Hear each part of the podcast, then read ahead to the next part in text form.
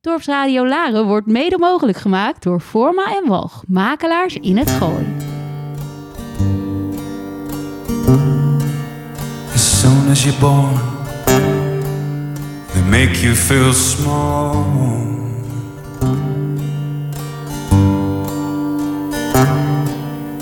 Giving you no time instead of it all.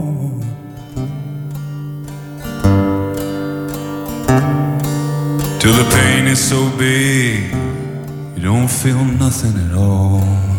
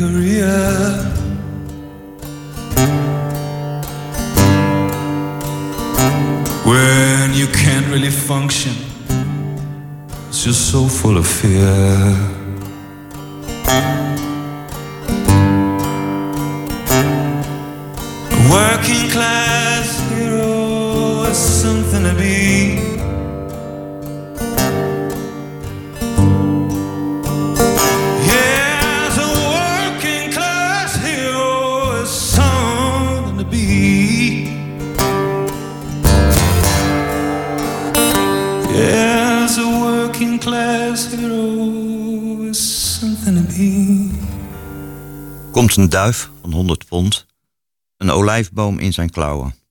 Bij mijn mond, met zijn mond, vol met koren zoete vrouwen. Vol van kirrende verhalen, hoe de oorlog is verdwenen. En herhaalt ze honderd malen, alle malen zal ik wenen. Aldus de dichter Leo Vrooman. Goedemiddag. Morgen is het 20 april en sinds 2017 herdenken wij op deze datum in Laren de 48 kinderen en de vier stafleden van de Bergstichting die in de Holocaust zijn vermoord. Over deze herdenking spreek ik dit uur met Ineke Hilhorst en Teun Koetsier, auteurs van het boek De Slag om de Bergstichting.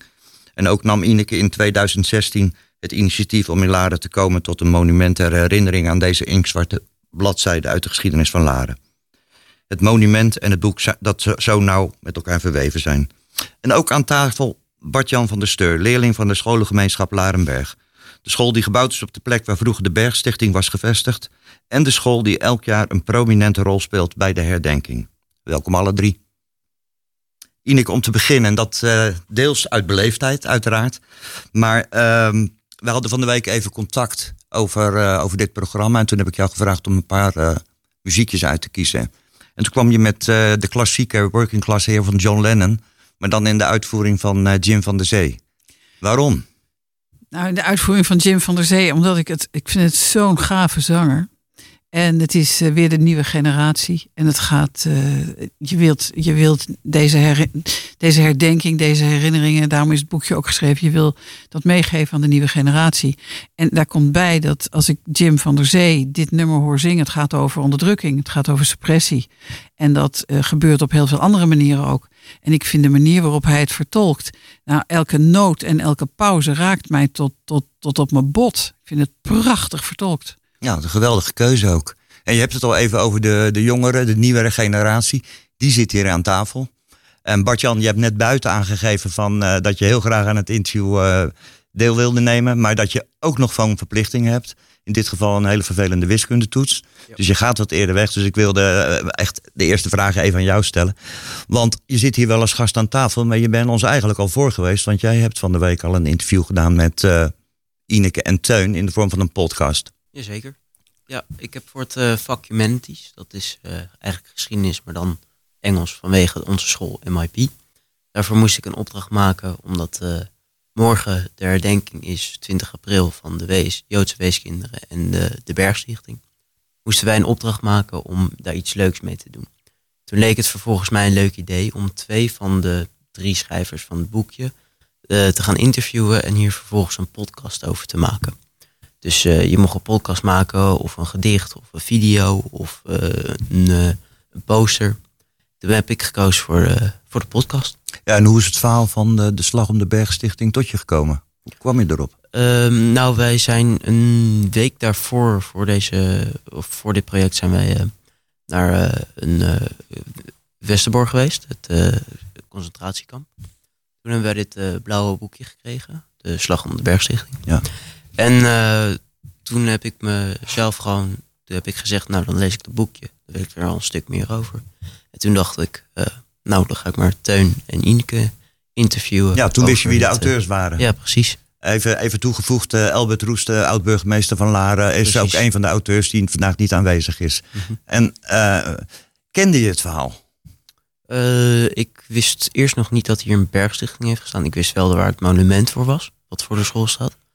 Maar verder wist ik nog niks over de bergstichting, dus ik vond het wel een eh, interessante verhaal. Ja, vorig jaar eh, tijdens de nog eh, eh, online eh, herdenking, want er mochten nog geen gasten aanwezig zijn. Toen eh, heeft jullie eh, directrice nog verteld dat eh, in de derde klas van, eh, van jullie schoolopleiding wordt er veel aandacht besteed aan de Tweede Wereldoorlog en ook aan de geschiedenis in Laren. Op dat, eh, op dat. Ja. Hoe gaat dat? Eh, dat wordt heel goed eh, les, daar wordt in heel goed lesgegeven. Het wordt allemaal duidelijk aangegeven.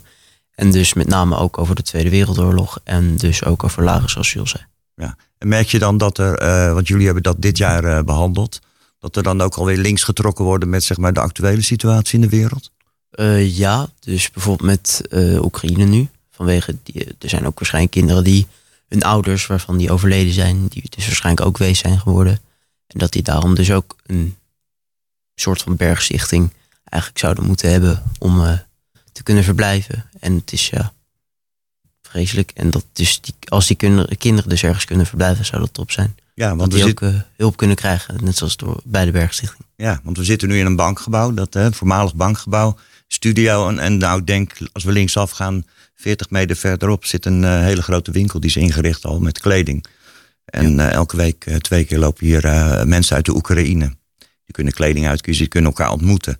Dus wat dat betreft komt het niet alleen voor volwassenen dichtbij, maar denk ook voor jullie. Want het is natuurlijk een situatie die, eh, die je nog nooit hebt meegemaakt. Nee, precies. Ja. Het is natuurlijk apart. Opeens mensen hier in het dorp die je niet kent, die ergens anders vandaan komen. Maar die wel heel veel hebben meegemaakt. Dus Ja. dat is ook wel interessant. Dankjewel. Teun, als je, als je, als je kijkt naar de, naar de herdenking, die is, die is zo nauw verweven met het, met het boek. Eh, alleen bij de herdenking gaat het, eh, gaat het om een monument met namen. En dat, dat, dat ziet er toch, eh, hoewel het indrukwekkend is, klinisch uit. Wat jullie met dat boek hebben gedaan, is dat je veel dieper, je bent bijna onder de huid gekropen en in de ziel van mensen. Hoe moeilijk is het om zo'n boek te schrijven? Ik vond het af en toe moeilijk om te lezen. En dan denk ik, hoe moeilijk is dat om te schrijven? Dat vind ik een moeilijke vraag. Je begint er op een gegeven moment aan. En wat je zegt is waar. Zo'n monument is natuurlijk indrukwekkend. Maar zonder het verhaal erbij mist het aan betekenis. En de bedoeling was dat wij eh, die betekenis eraan zouden geven door het schrijven van een boek. En daar zijn we gewoon aan begonnen. En we hadden natuurlijk al wat ervaring met eh, een eerder boek, Schieten op de Maan. Zo is overigens het hele verhaal, is het allemaal begonnen. Kijk, in 2014 raakte Albert Roest geïnteresseerd in de geschiedenis van zijn dorp. Hij ging er voordrachten over houden. Ik ging naar die voordrachten toe. En ik heb met hem afgesproken op een gegeven moment dat we er samen een boek over zouden schrijven. En zo is Schieten op de Maan tot stand gekomen. Waar je in grote lijnen de geschiedenis van Laren in de Tweede Wereldoorlog vindt. en daar hoorden natuurlijk een paar bladzijden over de Bergstichting bij. Dus die schreven wij, ons baserend op een uitstekend boek van eh, Cohen over de, de Bergstichting. ge- Gebaseerd op het archief waar hij volledige toegang toe had uit het verleden. Eh Ineke las die bladzijde, want die werkte op een gegeven moment ook heel erg mee aan Schieten op de Maan. Deed niet alleen de redactie, maar herzag de structuur op bepaalde punten.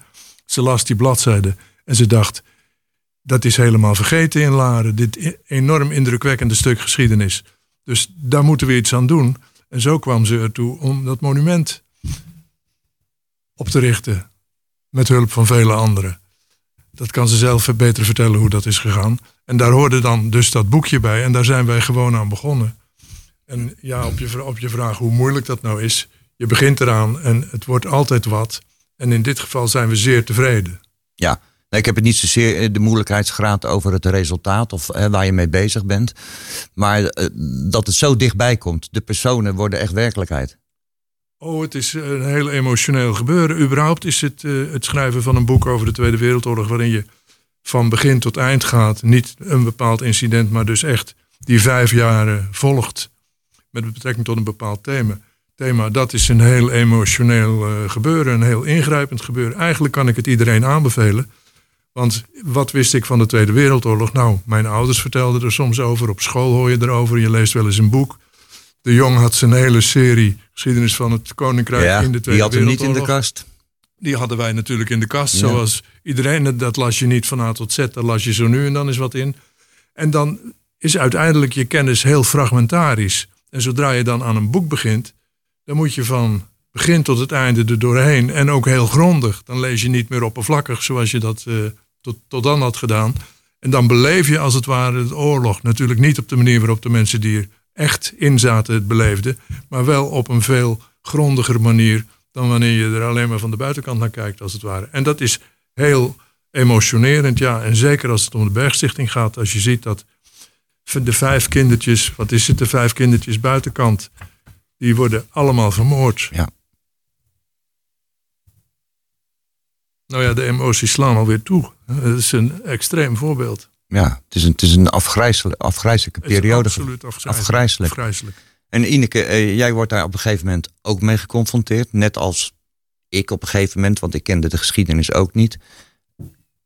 Wat, wat, ik ken je een beetje als iemand eh, die, die, die wel vanuit een impuls kan, kan handelen, maar dan ook wel weer rationeel. Wat, wat gebeurt er dan met je? Had, je? had je gelijk zoiets van, hier moet ik iets mee doen?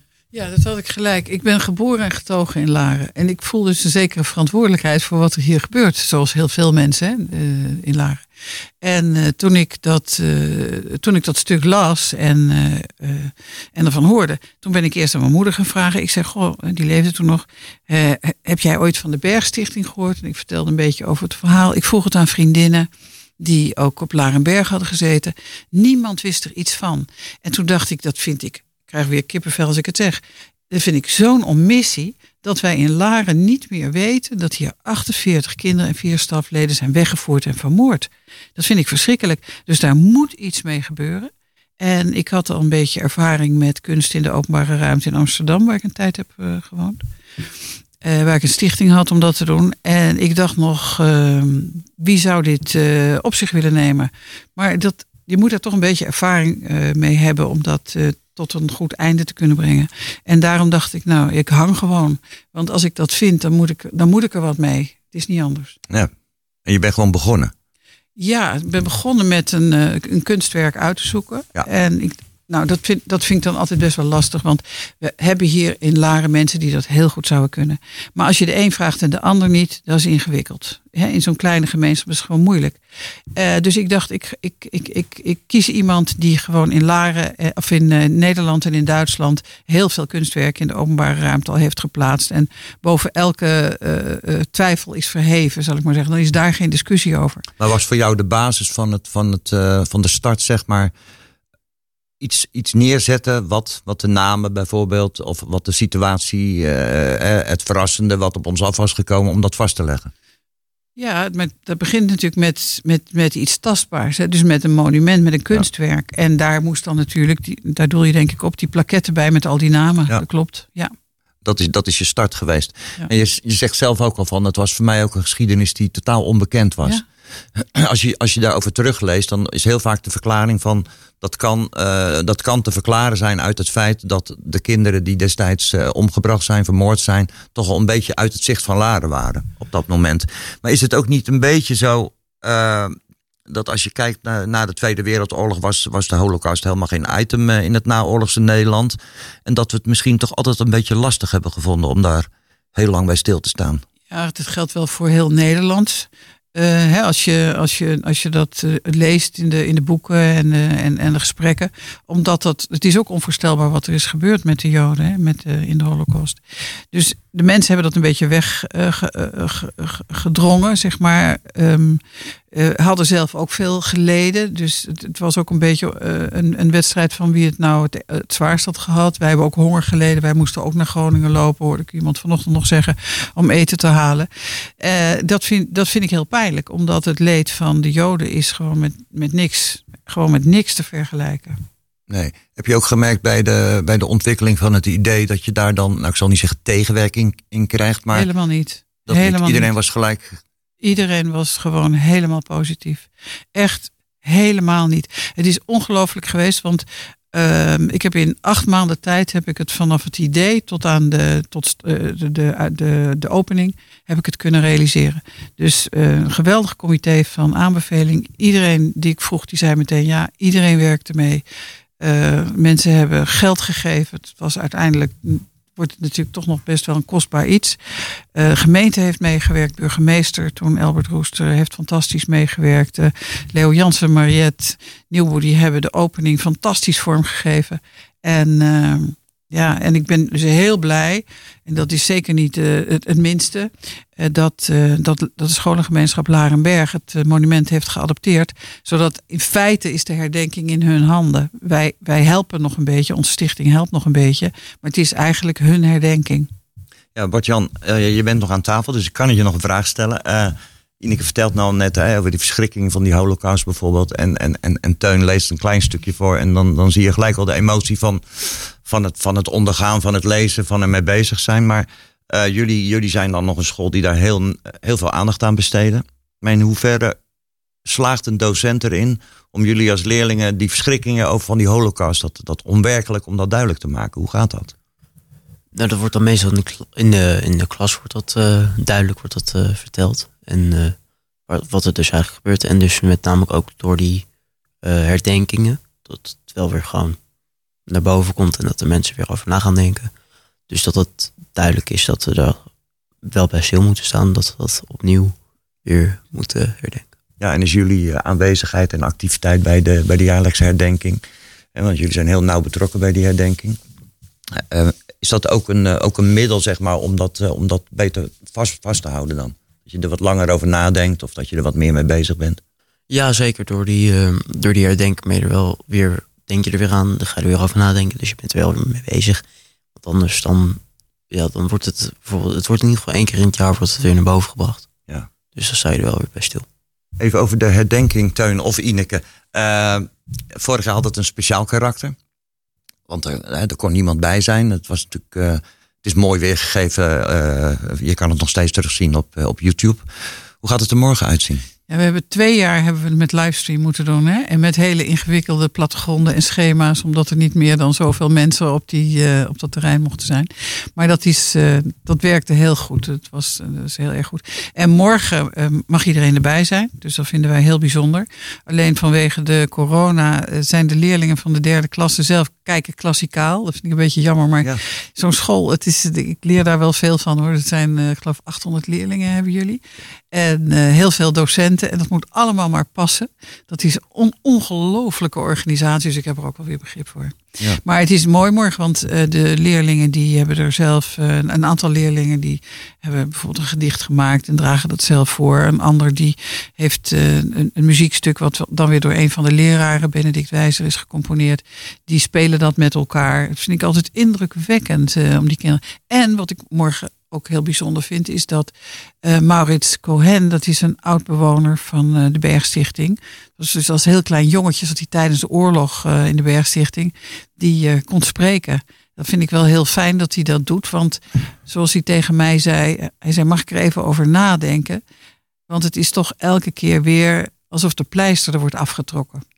Ja, het verhaal, van, te, het verhaal van Maurits Cohen is natuurlijk ook een ongelooflijk verhaal. Uh, uh, als je dat zo terugleest, hè, als, als, als, als kind krijgt hij de naam Maurits al, al, al mee. Terwijl die, uh, zijn vader, die heette ook Maurits, die heet, maar die was eigenlijk, zijn eigenlijke naam was Mozes volgens mij. En, maar Maurits wordt geboren, die krijgt, die Jacob heet, gaat hij geloof ik heten. Ja. En, en, en zijn ouders besluiten in 1934 al van nou, misschien is het niet zo heel handig om die na, naam te geven. In 1934 is dus al het bewustzijn bij de ouders. Maar antisemitisme is natuurlijk al heel erg oud. Exact, exact. Maar toch de angst van laten we dat maar niet Ja. doen. En, en, en Maurits gaat dus Moutje heten. Is ook een opvallend verhaal in, in, in, in het boek. eh, als je, dat, dat vond ik heel opvallend. Dat is een boek vol gruwelijkheden. Het is eigenlijk een aaneenschakeling van, van dingen die je als normaal mens niet kan beseffen. En dan wordt er een stuk beschreven over de ouders van, eh, van, eh, van Maurits en zijn broertje, broertjes. Broodjes, ja. die een enorm leeftijdsverschil hebben. En dat, dat, dat, op een gegeven moment wordt dat een soort liefdesverhaal. En dat vond ik zo fascinerend in dat boek. Tussen, heb je dat bewust gedaan? Groeit dat erin? Want Nou, dat wij, hadden, wij, wij hadden aantekeningen van Maurits zelf. ah, En daar staat dit in. En ja, zo'n zo'n zo'n mooie passage laat je niet liggen. Die neem je op. ja, En het is natuurlijk een ontzettend droevig verhaal, maar er zijn ook positieve elementen in. Het verhaal van Maurits zelf is uiteindelijk natuurlijk ook een positief verhaal. Niet iedereen ja. gaat ten onder, er zijn er ook die overleven. Nee. Dus zo komt dat boek. eh, ik doelde stand. even op de passage van de ouders van Maurits hadden nogal een eh, behoorlijk leeftijdsverschil. Volgens mij. Dat klopt, ja. En op was een moment Maurits zijn ze, 62. leven ze dan ook gescheiden. Ja, en dan gaat die vader boeken lezen. Die gaat boeken Die, lezen. die en trekt zich wordt- terug in een appartement en die gaat alleen maar boeken lezen. En dan, die vrouw die gaat er af en toe, is 29 of 30, die gaat er af en toe op bezoek in eh, Scheveningen. En die komt dan een keer kletsnat aan en dan trekt hij haar rijglaasjes uit en masseert haar voeten. Nou, romantische kan je toch niet hebben? Nee, dat is helemaal waar. En, en met die mensen was in, in, fe- in feite helemaal niks mis. Er zaten nogal wat kinderen voor de oorlog op de Bergstichting die uit vrijwel asociale gezinnen kwamen. Echt heel ook problematische kinderen. Maar met de familie eh, Cohen was eigenlijk niks mis. Alleen ze waren toch niet in staat om voor die drie jongetjes te zorgen, zodat Nee. ze in de Bergstichting terechtkwamen. Ja, het is, het is een heel opvallend verhaal tussen, tussen allerlei gruwelijkheden in. En Ineke, eh, je- heb jij, jullie hebben, hoe hadden jullie een werkverdeling met het boek? Heel duidelijk. Ehm, ja, dat, dat, dat, dat, begonnen, dat begonnen met. Teun heeft sowieso alle research gedaan, al die namen achterhaald. Wat een ongelofelijke bakwerk is, waar ik veel bewondering voor heb. Maar we hebben eigenlijk dag in dag uit. Eh, hebben wij over de oorlog eh, gepraat en over dit boek eh, gesproken met elkaar. En het was mijn behoefte om het echt voor de, voor de nieuwe generatie te schrijven. Voor de, voor, ja, mensen, mensen zoals, zoals jij, hè? mensen zoals Bart-Jan. En, ehm, en ik wilde dus per se zeg maar kleine scènetjes schrijven. Dus hele, hele korte, goed te begrijpen scènetjes. Omdat als je zo'n heel lang boek met alleen maar ellende gaat schrijven, dan denk ik, dan lezen, dan leest de jeugd het niet meer. Want die hebben veel kortere aandachtspannen. En eh, ja, zo, zo hebben wij het eigenlijk steeds opgebouwd en geschreven en herschreven en terug en nog een keer, nog een keer, nog een keer. Dus, wat ik eh, indrukwekkend vond, met betrekking tot wat Ineke deed, is, is het volgende. Die, die, die figuur Reina Harts, die, die hadden we al uitgekozen, want we waren met een ander boek bezig. We hadden, na Schieten op de Maan was er een hele hoop materiaal over en we dachten, daar moeten we iets mee. En onze gedachte was, we doen dat door ons te concentreren op personen. Dus we gaan een zeven hoofdstukken maken, elk gewijd aan een bepaald persoon. En toen hadden we in gedachten om Reina Harts als een van die personen te nemen. Eh, en, en de reden daarvan was ook weer dat dat een van de eerste was waarvan we uit de Bergstichting waarvan we een foto hadden. Dan, dan heb je dus het verhaal van zo'n meisje waar je niet, verder niet zoveel van weet. En dan zie je ineens een foto. En dan, krijgt ze, dan, dan komt ze als het ware tot leven. Dus wij, hadden, wij, wij, waren van plan om een hoofdstuk te wijden aan Reina Harts. En toen kwam de Bergstichting. Toen kwam het idee om een boek over de Bergstichting te schrijven. En dan komt Reina daar natuurlijk in voor. En in mijn, mijn eerste tekst was het zo dat ik het leven van Reina Harts min of meer chronologisch behandelde. En daar, daar grijpt Ineke dan in. En die zegt, ja, zo kan je dat boek niet beginnen. dat, dat, dat is helemaal dramatisch gezien, hè, oud documentairemaakster. Dramatisch gezien is dat helemaal fout. Je moet goed beginnen. Nou, als je het boek begint te lezen, dan, dan, dan zie je dat het uitstekend begint. Het grijpt je en het is je meteen helemaal duidelijk. Nee, het boek, sorry, het boek, eh, het boek pakt, pakt eh, inderdaad de lezer van begin tot het einde. Maar wat zo opvallend is, jij, jij noemt nou één voorbeeld. In feite, misschien gaan jullie dat nog eens overwegen, kan je over elke hoofdpersoon of belangrijke hoofdpersoon in het boek weer een apart boek schrijven. Ja, als je voldoende gegevens hebt. En eh, het- het- dat het is best wel lastig om die gegevens boven water te, houden, te halen. Want eh, nu wordt alles vastgelegd. en Je maakt foto's, eh, je tekst elkaar, eh, weet ik veel wat. Maar dit is. eh, dit, ja, dit, dit was gewoon heel lastig om dat wat we gevonden hebben.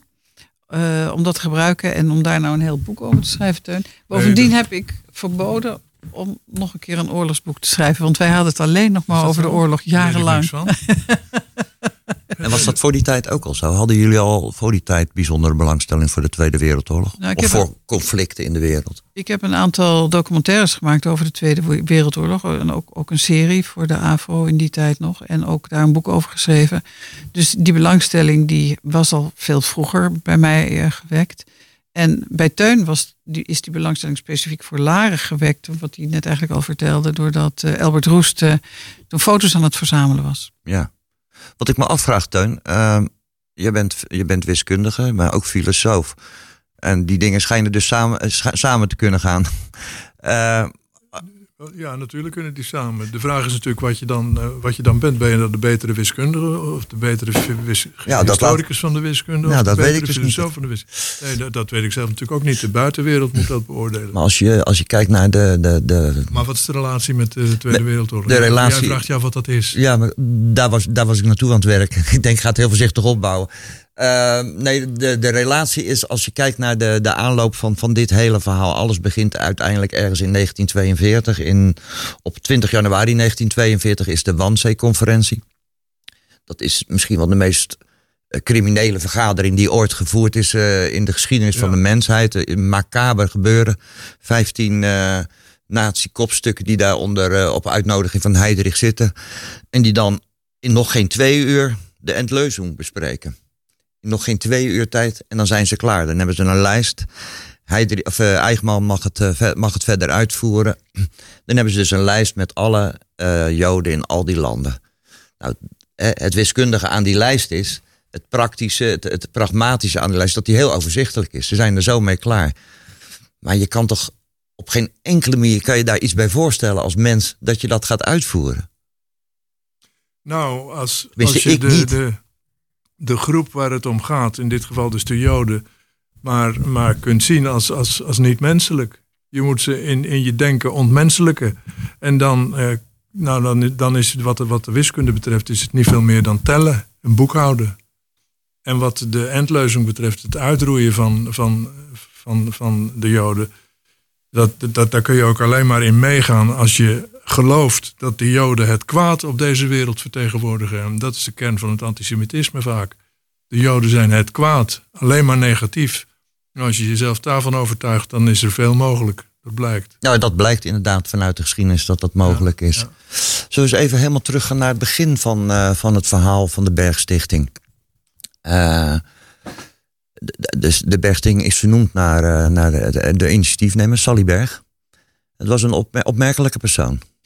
Ja, het was, eh, nou, hij, hij, hij ziet er ook op de foto's prachtig uit. Ja. Het was natuurlijk, het was een, Het was een modeontwerper. Het was een modeontwerper. Ehm, ehm, en eh, ja, een beetje een dandy om te zien. Hij was eh, homoseksueel, hoewel dat verder in die tijd helemaal niet bespreekbaar was. Of, of niet duidelijk werd. Hij, eh, hij reisde altijd met een, eh, met, met een vriend. Dat, dat, dat, dat vonden Een toevalligheid, zeg vonden maar. ze toen heel- Ja, niemand keek daarvan Nee. op. Tegenwoordig wordt vaak over homoseksualiteit zo'n ding gemaakt. Maar het is natuurlijk al van alle tijden. En is ook, een- ook een beetje een kwestie van hoe je daarmee omgaat. In ieder geval, hij, hij was rijk. Hè. Hij had eh, Maison de Bonneterie onder andere opgericht samen met een zakenpartner. En hij werd benaderd door een driemanschap uit Amsterdam. Advocaten, notaris, eh, nog zo'n soort eh, vooraanstaande... Nou, geen, geen kleine jongens. Hè. Geen er was ook de, de latere directeur van de Amsterdamse Bank zat daar zelf ja, ja. Ja. Ja, Maar ehm, kijk, altijd. hij, hij had natuurlijk geld en hij had geen kinderen. Net zoals met de Joffers eh, des- destijds wel gebeurde, is dat je dan toch, toch wel eh, bereid eh, bent, mogelijk, dachten zij, om die kinderen te helpen. En de Amsterdamse kindertjes, die leefden in barre, barre omstandigheden in Amsterdam. Dat was toen heel arm en verpauperd. Ehm, en eh, dreigde voor galgenrad op te groeien. De ouders konden niet voor ze zorgen, voor die Amsterdamse kindertjes. En het idee was dus om daarvoor een tehuis te beginnen. Het was dus niet per se een weeshuis, want sommige ouders leefden nog, maar konden of wilden niet voor die kinderen zorgen. En eh, nou, dat heeft hij gedaan. Dus die heeft daar die, heeft die plek uitgekozen. Heeft dat huis, dat prachtige gebouw laten ontwerpen. En later nog een keertje geld erin gestopt om het goed te laten lopen. En zo is die Bergstichting ontstaan. Dus echt een, uit, uit liefdadigheid. Ja, liefdadigheid. In het boek wordt dat eh, vanuit het Hebreeuws, zoals het in de Torah omschreven is, uh, dat heet Sedaka. Kan je daar iets, iets meer, of Teun, kan je daar misschien iets meer over vertellen? Hoe dat precies Nee, in elkaar... dat kan ik niet. Eh, Dat is de plicht van de Jood om liefdadig te zijn. Ja. En daar is een heel. Er zijn heel veel gradaties, heb je daarop. gradaties in. Je kunt minimaal liefdadig zijn en je kunt maximaal liefdadig zijn. Nou, Sally was maximaal liefdadig. Ja.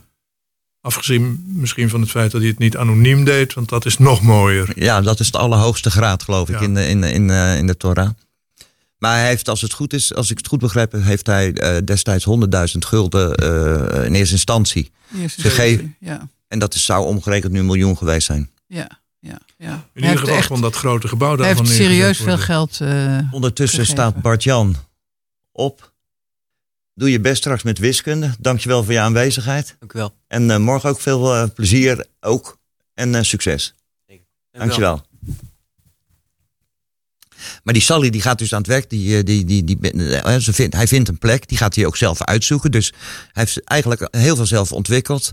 En dan komt die Bergstichting erin. En dan, dan ontspint zich ook een fascinerend verhaal. Dan heb je een directeur nodig. Eh, een directeurs-echtpaar wilden ze ook nog. Dat vond ik ook wel fascinerend. En dat, daar kunnen ze geen joden bij vinden. nee, nee. is- Aanvankelijk wel.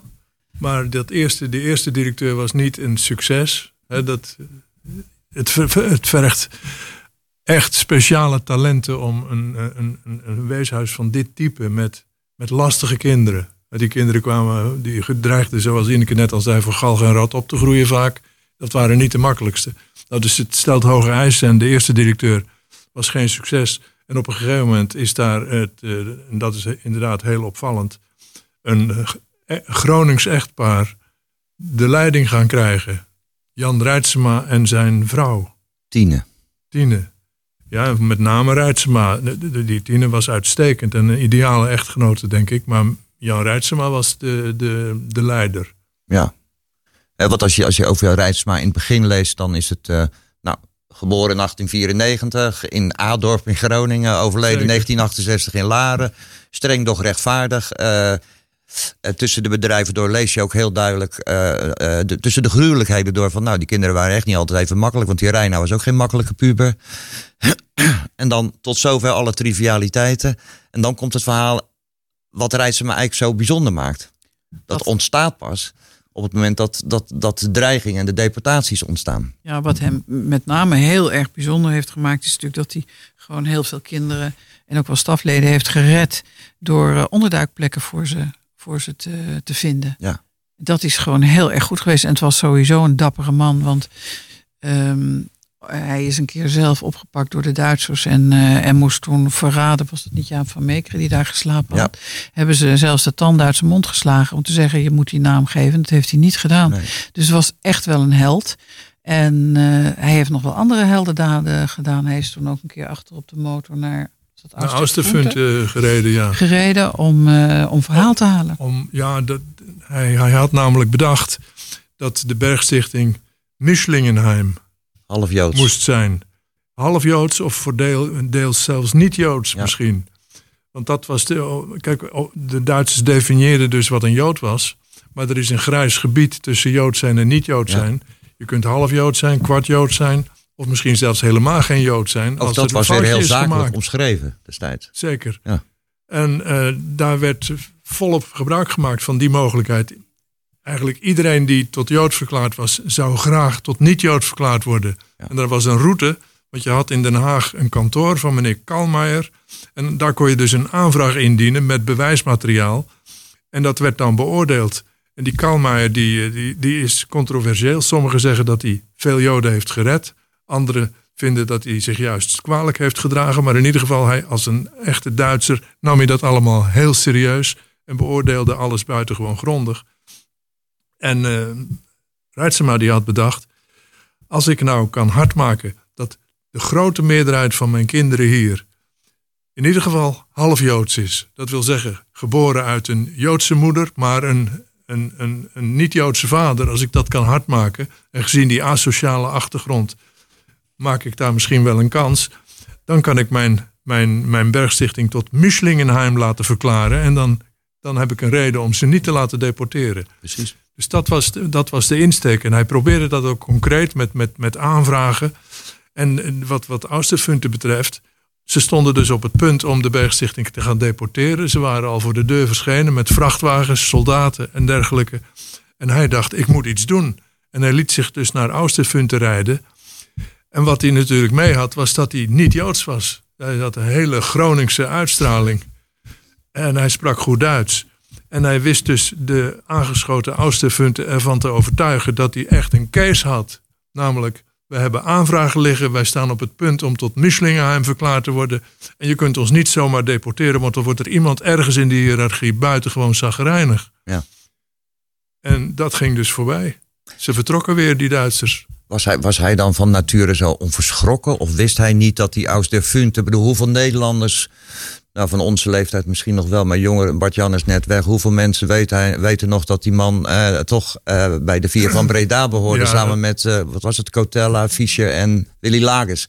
Ja. Nou, dat, die, die zette half Nederland in, in de jaren tachtig nog op, op zijn kop. Dat wa- was een slager, een, een, een, tuig je- van de regel. Ja, ik moet je zeggen dat ik niet weet hoeveel Reitsema precies wist. Maar hij wist ongetwijfeld dat hij met een gevaarlijke man te maken had. Ja.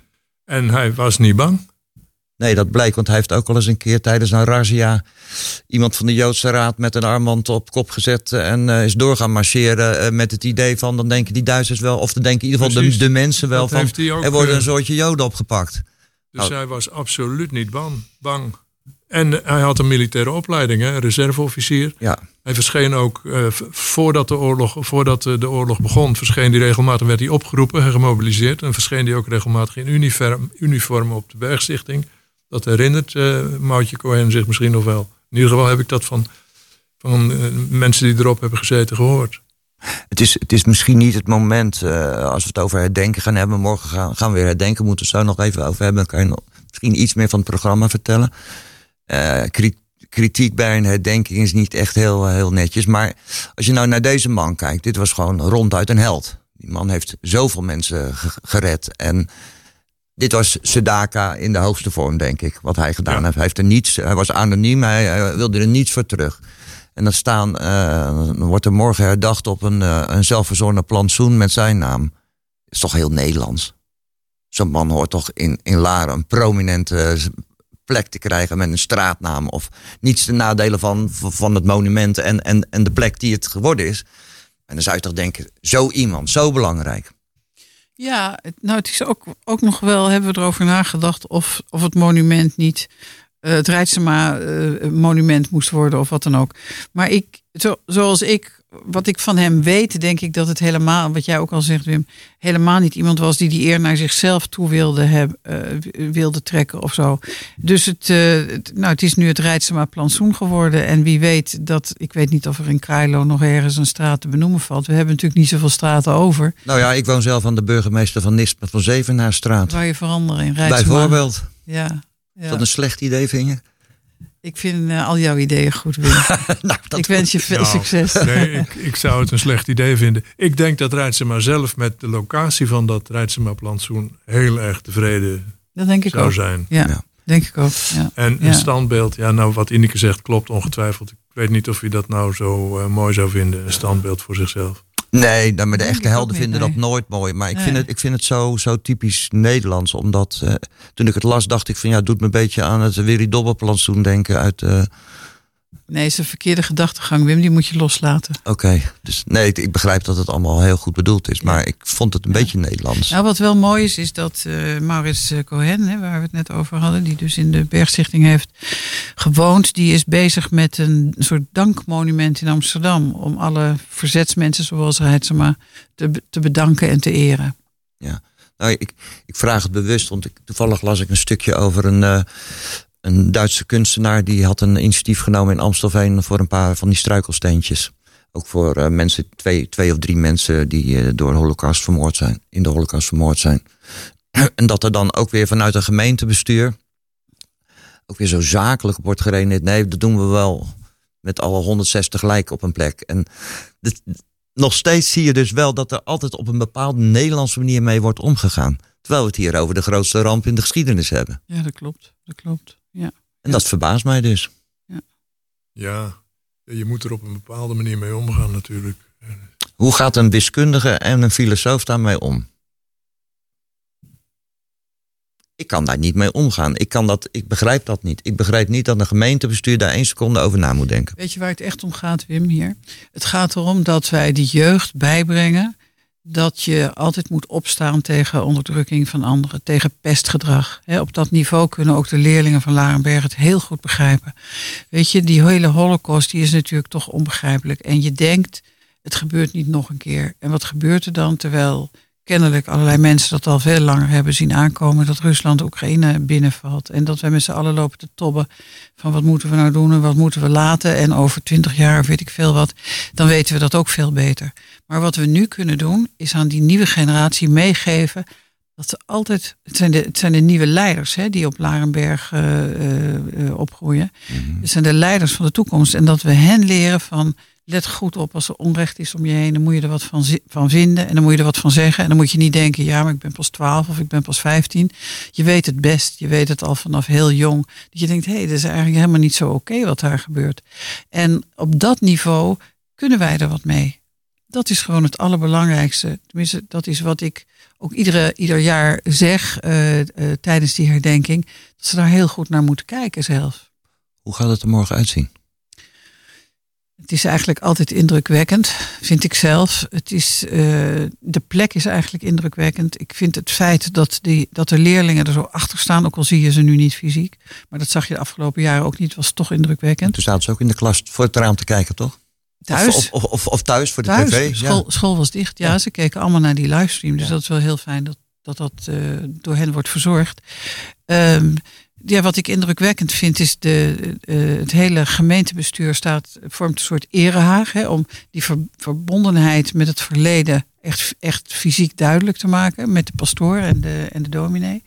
Dat vind ik al indrukwekkend. Het is indrukwekkend dat er vier joekels van kransen staan van allerlei, van het gemeentebestuur, van, van de Stichting 4 en 5 mei, van de school, van eh, de Stichting Monument voor de Joodse Kinderen. Ik vind het indrukwekkend dat de leerlingen zelf hebben nagedacht over wat ze ten gehore willen brengen. En, en natuurlijk, natuurlijk aangestuurd door hun docenten. Dus dat ze daar maanden mee bezig zijn. Dat ze dat boekje hebben gelezen, het verhaal kennen. Um, en, en dat er dan nog weer zoveel mensen zullen komen die het uh, vanuit het dorp, die het, uh, die het, die het willen zien, uh, die het willen meemaken, die er willen zijn. En um, ja, en, en, en wat, ik, wat, wat, wat ik zelf altijd heel indrukwekkend vind, om te, om te mogen doen eigenlijk. En wat ik de eerste jaren niet durfde, want ik was heel bang dat ik dan ook te emotioneel zou worden. Maar dat is dat ik alle namen voorlees van de kinderen die zijn omgebracht en die vier stafleden. En hun leeftijd erachter zeg. En dat is zo'n lange rij van 48 mhm. namen. En dan is het ook echt doodstil. Want dan realiseer je pas, het waren gewoon kinderen. Ja, en dan heb je niet, overkomt jou niet wat, wat Teun net overkomt met, met het lezen van een fragment al, dat de emotie toeslaat? Nou, in het begin had ik dat wel. Toen durfde ik dat ook niet aan. Ik heb Leo Jansen geleerd toen met de opening die ik presenteerde. Die zei, je gaat niet janken, hè, want ik trek je van het podium af. Dat bedoelde hij natuurlijk heel goed. Maar hij had wel gelijk. Ja. Want hij, hij voelde gewoon dat ik er toen nog die emotie had. Maar als je er langer mee bezig bent en je houdt je doel in de gaten... dan denk je, ja, het zal wel. Maar het gaat niet om mijn emotie. Het gaat erom dat ik de emotie bij de mensen breng. Ja. Dat is je doel. En eh, als je dat goed inprent, dan, uh, dan, dan, komt dat goed. Is er nou één persoon uit het boek? Hè? Vaak is het zo als je aan zo'n project bezig bent, uh, dat er altijd één persoon blijft hangen in je gedachten. Niet dat de anderen minder zijn of, of van minder belang, want dat zijn ze zeker niet. Het zijn natuurlijk allemaal mensen. Maar is er nou één persoon of een paar personen waarvan jullie zeggen, nou, dat, dat ga ik nooit vergeten? Leg ik dat ja, bij mij is dat toch uh, mijn, mijn favoriete, Reina Harts en, en haar broertje Bram. Ja. En kan je ook vertellen waarom? En dat hele verhaal. Uh, nou, dat eigenlijk niet goed. Uh, de, daar, daar, daar ben ik mee begonnen met die figuur. Ineke en ik hebben haar dus een, een, centrale rol gegeven. Met name ook doordat, doordat het boek opent met, met Reina Harts. Uh, het, is, het is intens droevig, dat is ook een reden. Maar wat ik nog zeggen wilde is, wat, wat ik indrukwekkend vind aan uh, wat er morgen gaat gebeuren, dat is de betrokkenheid van de leerlingen van, uh, van Arenberg. Dat is eigenlijk het allerbelangrijkste. Want er komen natuurlijk veel mensen die het eigenlijk wel weten. Die leren daar niks. Die herdenken. En daar hebben ze behoefte aan en dat is ook goed. Maar de, de, de, de groep die er echt iets van kan leren, dat zijn die leerlingen. En die kunnen er ook iets mee doen. En het verhaal heeft zoveel verschillende lagen. Het, het, het verschijnsel antisemitisme is natuurlijk buitengewoon interessant. Want het heeft te maken met verkeerde informatie. Wanneer geloof, ga jij iets geloven dat, Mhm. dat jou verteld wordt?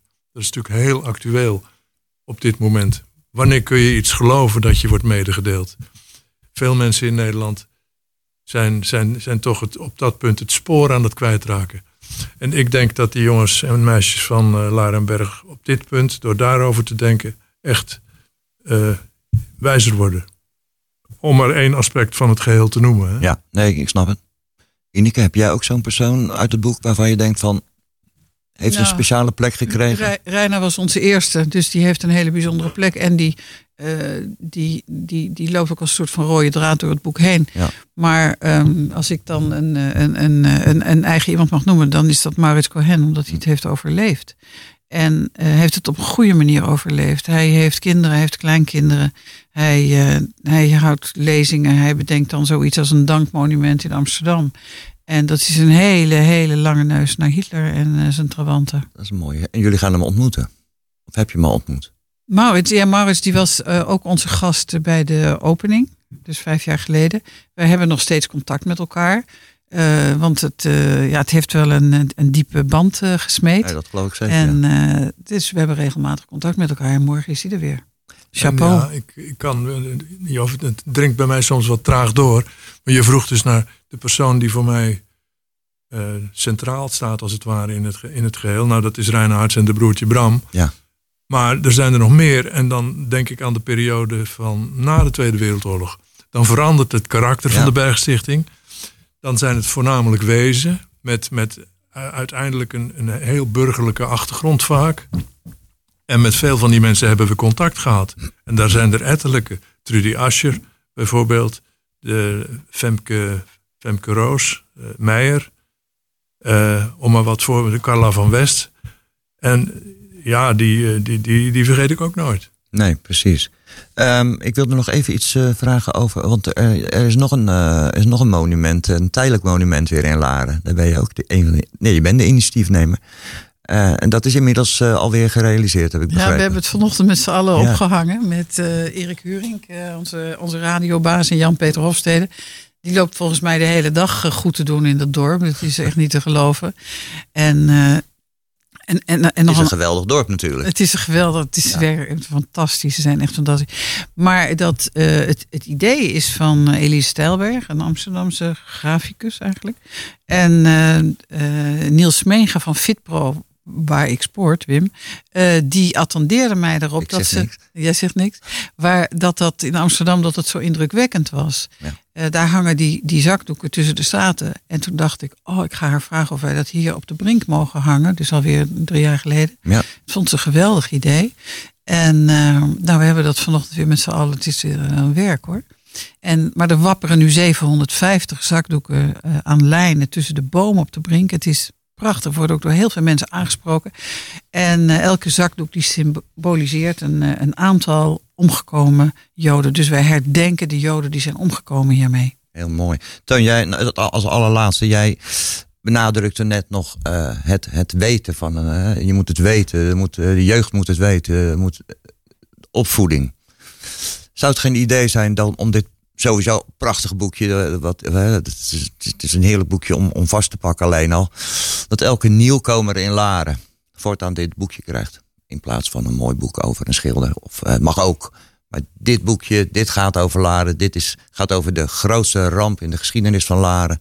En dat moet toch iedere nieuwkomer ook weten. We gaan dat Nanning vragen. Dat moeten we de burgemeester vragen, ja. We zijn begonnen met, eh, met eh, Jim van der Zeel. Of zelf, Jim van der Zee, sorry.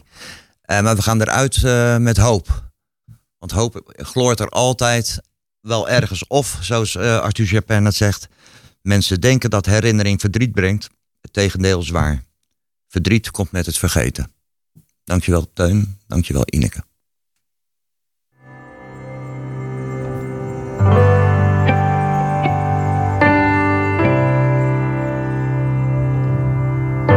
Imagine there there's no heaven. It's easy if you try. No hell below us, above us, holy sky. Imagine there's no countries. It isn't hard to do.